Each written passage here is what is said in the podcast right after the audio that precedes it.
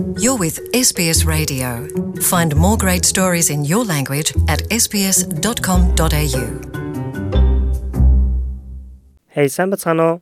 Сонсогч та бүхэндээ энэ өдрийн халуун мэндийг хүргэж байна. SBS радиогоос монгол хэлээрээ та бүхэндээ хүргэдэг оршин суух хөтжийн энэ удаагийнхаа дугаарыг хүрэхэд бэлэн болсон байна. Удаан хугацааны туршид Австрали улсын уугуул иргэд улсын томоохон шийдвэрүүдэд өөрсдийн оролцоог ихсгэхийг хүсэмжилж ирсэн нь энэ жилийн 80 7 хоногийн сэдэв болж байна. Энэхүү 7 хоногийг улс даяар 7 сарын 7-оос 7 сарын 14-ний хооронд тэмдэглэл өнгөрүүлж байна. Улсын уугуул иргэдийн холбооноос зохион байгуулдаг NAIDOC буюу National Aborigines and Islander Day Observance Committee 1920-оос 1930 оны хооронд өрнөж байсан улс төрийн жагсаалаас үүдэлтэй юм. Харин 1938 оны Австралийн өдрөөр тэмцэгчид Сидней хотоор жагсаал өрнүүлж энэхүү үйл явдлыг залбирлын өдөр болгон нэрийдэж байжээ. Энэхүү жагсаалын үр дүнд Австралийн өдрийн өмнөх 7 хоногийн ням гаригуудад энэхүү өдрийг дурсаж өнгөрүүлдэг болж улсын уугуулчдын өдөр болгож тэмдэглэсэн байна. Үүнээс хойш энэхүү өдрийг жил бүр 7 сард уугуул иргэдийн соёл заншлыг тэмдэглэдэг болохоор шийдсэн байна. Энэ жил NAIDOC 7 оногоор эвслийн гэрээ байгуулах хүчин чармаалтаа хадгалж үлдэхээс гадна үннийг хэлий гэсэн үйл ажиллагааны сэдэвтээ энэ жилийн арга хэмжээнүүд зохион байгуулагдаж байгаа юм байна. Энэ талаар улсын NAIDOC хорог хамтран даргалагч John Paul Jenke тайлбарллаа. Энэ жил дуу хоолойгоо хүргэх, үннийг хэлэх, хамтдаа хамтарсан ирээдүг бүтээх гэсэн онцлог хамрах хүрээтэй явагдаж байгаа юм байна. Uh, those issues have been sort of uh, bubbling away at the surface for generations. You know, Ab- Aboriginal people have always been asking for a say uh, in their own affairs and on issues that affect them. Нейдокийн зохион байгуулж байгаа хорооноос нэг анзаарсан зүйл нь энэхүү сэдвүүд уян өнгөрөх тусам замгарч байна. Уугуул иргэдийн хувьд өөрсдийн үзэл бодлыг хэлэх, эвсэж хамтарч ажиллах, мөн уугуул иргэдэд тулгарч байгаа тулгымцсан асуудлуудын талаар ярилцахад үнэн зөвөөр нь хэлэх нь хамгийн зөв арга барил гэж бид нар итгэж байгаа. Тэгэхээр түүхийн үнэн зөвийг хэлж ярилцах нь энэ жил цагаа олсон зөв арга барил хэмээн Найдог хороо үзэж байна.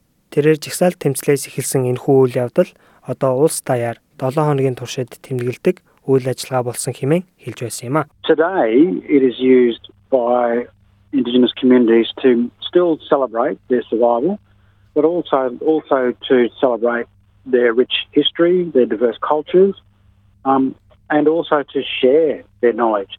And I think in Indigenous communities, it's growing more than ever. Each year, the celebrations get bigger and bigger. Орчин үед энэхүү 7 хоногийг уугуул иргэдийн нийгмийн бүлгүүд эсэм мэнд үлдснээ тэмдэглэхээс гадна өөрсдийн баялаг төв, олон онцгой соёл заншил, мөн сурсан мэдснээ уламжилж үлдээх маягаар тэмдэглэж байна. Уугуул иргэдийн дунд энэхүү арга хэмжээнүүд өмнө байснаас ихээр тэмдэглэгдэж улам олон уугуул иргэд хамтдаа тэмдэглэн өнгөрүүлж байна. Харин уугуул биш иргэдийн дунд байгууллагууд болон хүмүүс ч бас энэхүү өдрүүдийг тэмдэглэж байна оролцож байгаа хүмүүсийн тоо жил ирэх тусам ихсэж байгаа. Миний бодлоор энэ 7 хоногийг бусад хүмүүс уугуул иргэдтэй танилцаж тэдний талаар ойлгох боломж гэж авч үзээсэй гэж бодож байна. Веражури Вайлва нэмэгтэй болон хуульч Тила Рид залуу уугуул иргэдийг энэхүү 7 хоногийг өргөн тэмдэглэхээс гадна өөрсдийн дуу хоолойгоо бусдад хүргэхийг уриалж байсан юм. NAIDOC is, is such a good opportunity for young people to reflect on their own family's journey and their own family and community's history in the re- resistance, um, but also to step up to the plate now and um, understand that although they might be young, their voice Найдок бол өөрийн гэр бүлийн соёл цаашил туулж өнгөрүүлсэн замыг эргэн харах сайхан боломж юм а. Уугуул иргэдийн тэмцэл ямар чухал байсан талаар ойлголттой болж өөрсдийн ирээдүгийнхаа талаар дуу хоолойгоо хүргэж өртөх ёстой зүйлсээ олж авдаг байх ёстой. Би залуу байна, арай болоогүй байна гэж бодлгүй зоригтой үгээ хэлж асуудлуудын талаар өөрсдийн бодлоо хуваалцаж авах хэрэгтэй.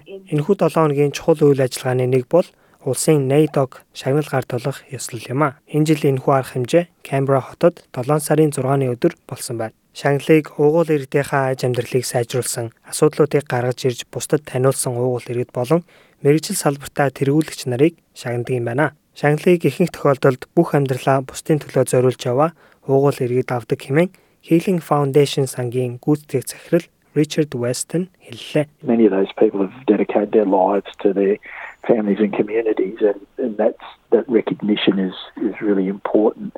But uh, it does it's a it's a uniting um, event for Aboriginal and Torres Тэдгээр хүмүүсийн ихэнх нь өөрсдийнхөө амьдралыг гэр бүл, өөрсдийн нийгэмдээ зориулсан хүмүүс байдаг учраас маш чухал ач холбогдолтой. Уугуул иргэдийн хувьд улс даяар нэгдмэл байдлыг илэрхийлсэн арга хэмжээ болдгоо. Бусдтайгаа танилцаж, баярлаж өнгөрүүлдэг. Бусад австралчууд ч бас үүнд оролцох юм бол илүү өргөн хэмжээний мэдэгдэхүүнтэй болох боломжтой.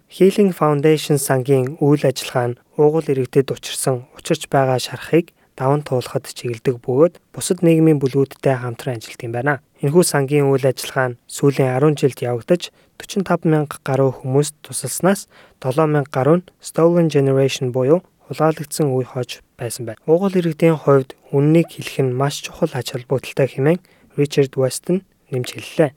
Тэрээр альбом болон альбом бус орчинд энэ талаар ярилцсанаар бүх зүйлийг тодорхой болгож уугуул иргэдийн шарахыг арилгах арга хэмжээнүүдийг авах нь тэдний одоогийн байдлыг сайжруулах маш чухал алхам гэдгийг дурдлаа. It's not about blame or guilt or shame. That's not what it's about at all. It's really about the truth of what happened, recognizing and acknowledge that we can't change what happened. We can't change the past. So we can't go back and you know, we don't get a second chance at it. We have to live Аль нэг талыг буруутгах, гэмтэн болгох, эсвэл гутаах талаар ерөөсөө биш юм аа. Гол зорилго нь энээс маш өөр. Өнгөрсөнд болсон үйл явдлыг үннээр нь сөхөж, өнгөрсөнд болсон үйл явдлыг бид өөрчилж чадахгүйг ойлгож, бидэнд хоёр дахь боломж байхгүйг бас ойлгох явдал юм аа. Болсон үр дагаврыг бид дааж амьдрах хэрэгтэй. Энэ зөвхөн эхний хэсэг юм. Үннийг хэлснээр бид уугуул иргэдэд тулгарч байгаа асуудлууд болон даван туулахад ямар саад бэрхшээл байгааг энэний үндэс суурь нь юу болохыг ойлгох явдал юм аа.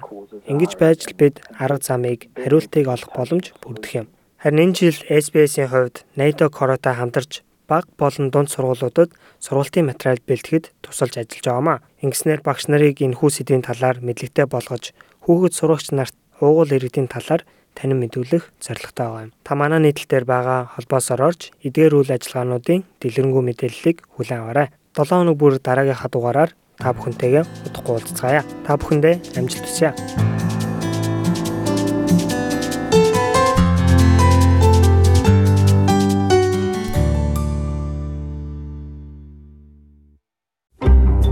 Hear more stories in your language by visiting sbs.com.au.